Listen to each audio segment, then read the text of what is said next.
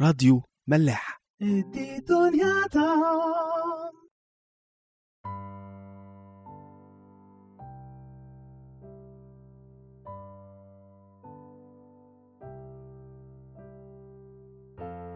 مساء الخير. أهلا بيكم في حلقة جديدة من عيش وملح. بيتهيألي إن هي حاجة مهمة جدا إن كل إنسان فينا يجي في وقت كده ويقف قدام نفسه ويقيم إيه الحاجات اللي هو بيعتبرها مشاكل. يعني مثلا في واحد زي أنا مثلا مشكلته بتبقى كبيرة قوي مثلا لما الفريق الكورة اللي بيحبه اللي هو الزمالك طبعا بيخسر. دي مشكلة بالنسبة لي. في ناس تانية مشكلتها إن مديرها مثلا كل يوم يصبحها ويمسيها بكلام سخيف. في ناس مشكلتها إنها ما بتترقاش في الشغل أو إن مرتبها مش بيزيد. في ناس مشكلتها إنها مش محبوبة. أو مش حاسة إن الناس بتحبها كفاية بالقدر اللي يرضيها. فكرة تقييم المشاكل اللي بتتعبني أو بتضايقني فكرة هتوصلني في الآخر لتحديد صريح لأولوياتي. وبالتالي السؤال اللي بيطرح نفسه هنا هو في كام واحد فينا أو في كام واحد عايش على الأرض حاسس إنه أكبر مشكلة في حياته هي إنه بعيد عن ربنا؟ أو إن كانت أكبر مشكلة في حياة البشرية كلها هي الخطية.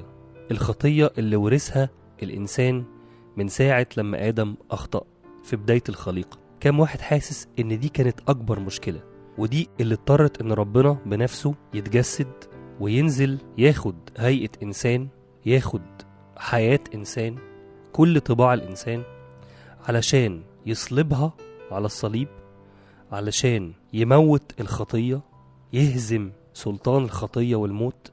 وكمان علشان يدي للإنسان الطبيعة الجديدة.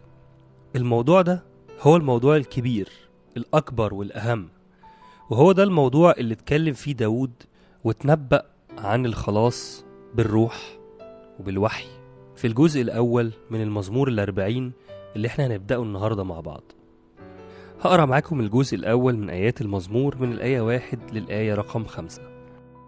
لإمام المغنين مزمور لداود انتظارا انتظرت الرب فمال إلي وسمع صراخي وأصعدني من جب الهلاك من طين الحمأة وأقام على صخرة رجلي ثبت خطواتي وجعل في فمي ترنيمة جديدة تسبيحة لإلهنا كثيرون يرون ويخافون ويتوكلون على الرب طوبى للرجل الذي جعل الرب متكله. ولم يلتفت إلى الغطاريس والمنحرفين إلى الكذب. كثيرا ما جعلت أنت أيها الرب إلهي عجائبك وأفكارك من جهتنا. لا تقوم لديك لأخبرن وأتكلمن بها. زادت عن أن تعد. طبعا داود كان بيتكلم لما كتب المزمور عن حالته وعن مشكلته. لكن من خلال كده اتنبأ بالنبوءة العظيمة دي نبوءة الخلاص. خلاص المسيح. والبداية بتاعت المزمور أو الآية في المزمور بداية بالنسبة لي حسستني قوي قد إيه داود بالروح كان حاسس بمشكلة البشرية. قلبه كان موجوع على حالة الناس حالة البشر والضلمة اللي عايشين فيها قبل خلاص المسيح. وقلبه كان منتظر الخلاص ده بكل جوارحه يعني. فقال الكلمة بتاعت انتظارا انتظرت الرب. انتظارا انتظرت الرب. يعني أنا مستني بقالي كتير قوي الرب عشان يخلصني وعشان يخلص كل البشر علشان يجي في ملء الزمان ويفدينا ويموت علشاننا فنتصالح مع السماء. وداود كان عارف إن ربنا هو الوحيد اللي يقدر يعمل العملية دي. هو الوحيد اللي يقدر إن هو يخلص البشر ويشيل عنهم خطيتهم. هو الوحيد اللي قادر إن هو يغير الحالة يعمل الحالة الجديدة الطبيعة الجديدة. بعد كده بالإيمان قال فمال إلي وسمع صراخي. ودي كانت بداية النبوءة نبوءة الخلاص. فبيكمل وبيقول أصعدني من جب الهلاك من طين الحمأ وأقام على صخرة رجلي ثبت خطواتي. استخدم هنا كلمات بتدل على قد إيه كان حاسس ببشاعة الحالة اللي هو أو اللي بني البشر كلهم عايشين فيها. إن هو عايشين في جب جب الهلاك. يعني الجب ده حفرة عميقة جدا وكمان آخرها هلاك. يعني حالة ميؤوس منها من طين الحمقى يعني عايشين في وحل وحل من كتر الخطية.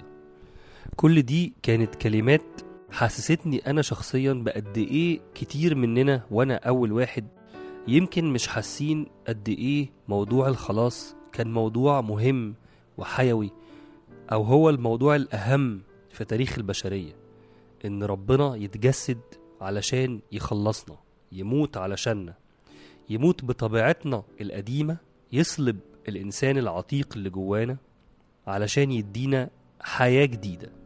يمكن الموضوع ده بيلخبط ناس كتير ويمكن يكون موضوع الفداء والصلب عند ناس كتير منحصر في إن ربنا سامحنا وشال عنا خطيتنا.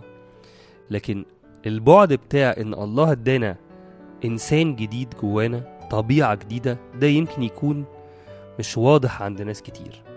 ببساطة شديدة لما المسيح اتولد من العذراء مريم وكان إنسان كامل واخد كل صفات الإنسان واخد جسد إنسان وعاش حياة الإنسان بصورة طبيعية جدا. الله تعمد إن هو يعمل كده علشان لما المسيح يموت على الصليب يموت الإنسان ده اللي دخلت فيه طبيعة الخطية من ساعة ما آدم أخطأ. وراه كل البشر أخطأوا. يعني معنى كده إن كل البشر كانوا في المسيح لما مات على الصليب وبالتالي الإنسان العتيق اللي وارث طبع الخطية بس اللي الخطية مستعبداه ومودياه للهلاك الإنسان ده مات. مات بموت المسيح. لما المسيح مات على الصليب مات الإنسان العتيق فيه. ولما المسيح قام من الأموات كل البشر برضو كانوا فيه. كانوا في المسيح وأخدوا الطبيعة الجديدة. الطبيعة الجديدة دي أو الإنسان الجديد ده إنسان عايش حياة مختلفة عن الإنسان اللي مات على الصليب. معنى كده إنه أي إنسان مؤمن بعملية الفداء مؤمن بالمسيح طبعا وفداء المسيح اخد إنسان جديد جواه بالقيامة عايش حياة جديدة أو المفروض يعيش حياة جديدة بطريقة جديدة وقوانين جديدة وأهداف جديدة غير الأهداف اللي ذاته أو إنسانه العتيق طالب إن هو يعيشها. في رسالة بولس إلى أهل روميا الإصحاح رقم ستة في آية بتشرح القصة دي بوضوح جدا. الآية رقم أربعة بتقول فدفنا معه بالمعمودية للموت حتى كما أقيم المسيح من الأموات بمجد الآب هكذا نسلك نحن أيضا في جدة الحياة.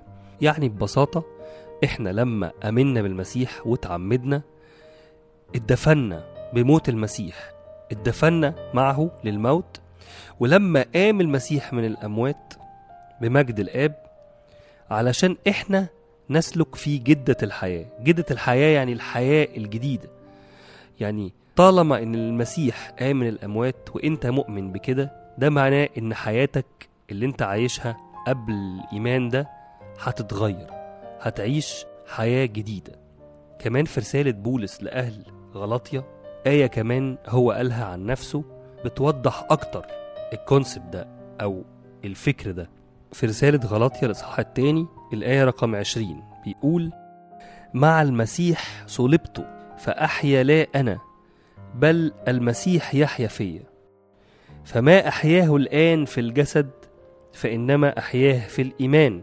إيمان ابن الله الذي أحبني وأسلم نفسه لأجلي. يعني أنا لما المسيح اتصلب أنا كمان اتصلبت.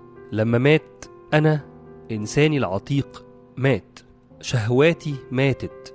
ذاتي اللي أنا عايز أعيش ليها ماتت. فأنا دلوقتي مش أنا اللي عايش لكن المسيح يحيا فيا. ودي كلمة كبيرة قوي. المسيح يحيا فيا. يعني أهدافي هي أهداف المسيح. حياتي هي حياة المسيح لمجد المسيح. كل أفكاري منطقي الطريقة اللي بتعامل بيها مع الناس هي للمسيح. أو هي الطريقة اللي المسيح كان عايش بيها وهو عايش على الأرض. بمنتهى البساطة. وعشان كده داود في الآية 3 قال وجعل في فمي ترنيمة جديدة. الترنيمة الجديدة هي ترنيمة الخلاص. الفرح اللي الإنسان فرحه بخلاص المسيح والحياة الجديدة اللي عايشها بعد قيامة المسيح هي دي الحياة الأفضل اللي ربنا عارف إن كل إنسان لو عاشها هيعيش أحسن وهيعيش فرحان أكتر لأنه مش هيعيش لذاته لكن هيسلك في جدة الحياة في الحياة الجديدة بالأهداف الجديدة بالطريقة الجديدة يعني إيه الحياة الجديدة؟ يعني إيه؟ يعني حاجة جديدة إنه إنسان يفرح في الضيق يفرح وقت المشكلة. دي حاجة جديدة. حاجة جديدة إن إنسان يحب أعدائه. دي حاجة جديدة. حاجة جديدة إنه الإنسان ما يخافش. حاجة جديدة إن الإنسان يدي الناس يدي إخواته من إعوازه. دي حاجة جديدة. حاجة جديدة إنه الإنسان يبقى هدفه الأساسي إن كل الناس تعرف المسيح تعيش مع ربنا. ده هدف جديد.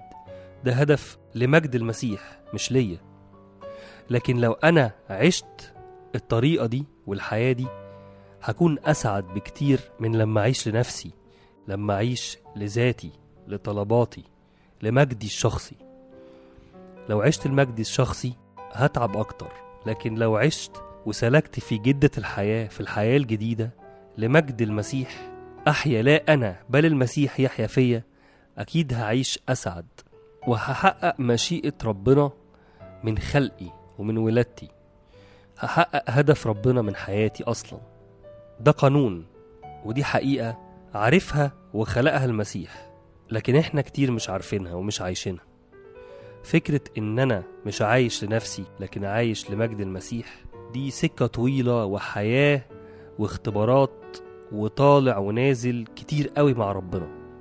أنا بتمنى وبصلي ليا ولكل واحد بيسمع الحلقة دي إن دي تبقى بداية الطريق. إن إحنا النهاردة نصدق الحقيقة دي ونطلب من ربنا إن إحنا نقدر نبدأ معاه نعيش الحياة دي. الحياة الجديدة اللي خدناها بقيامة المسيح اللي أكيد هي الحياة الأفضل. هسيبكم النهاردة مع ترنيمة كلامها جميل جدا اسمها مال إلي وسمع صراخي. بيقول كلامها مال إلي وسمع صراخي عوض صبري وانتظاري أخرج رجلي من الشبكة بعلن فرحي وليه أداري. أشوفكم الحلقة اللي جاية.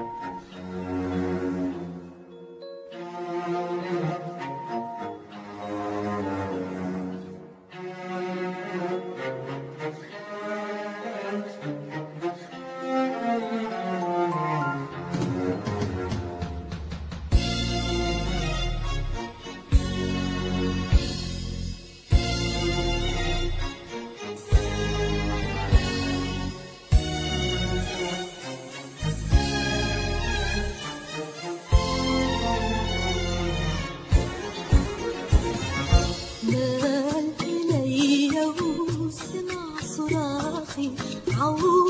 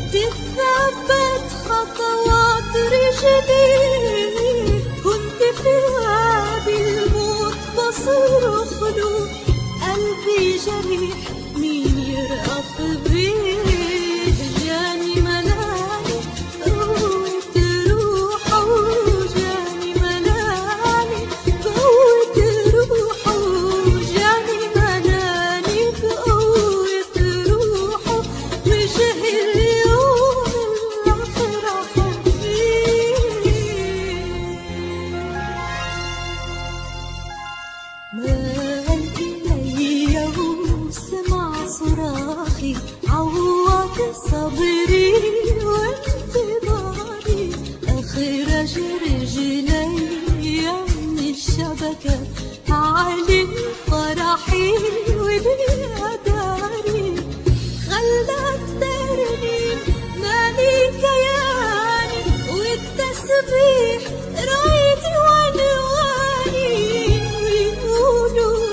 إله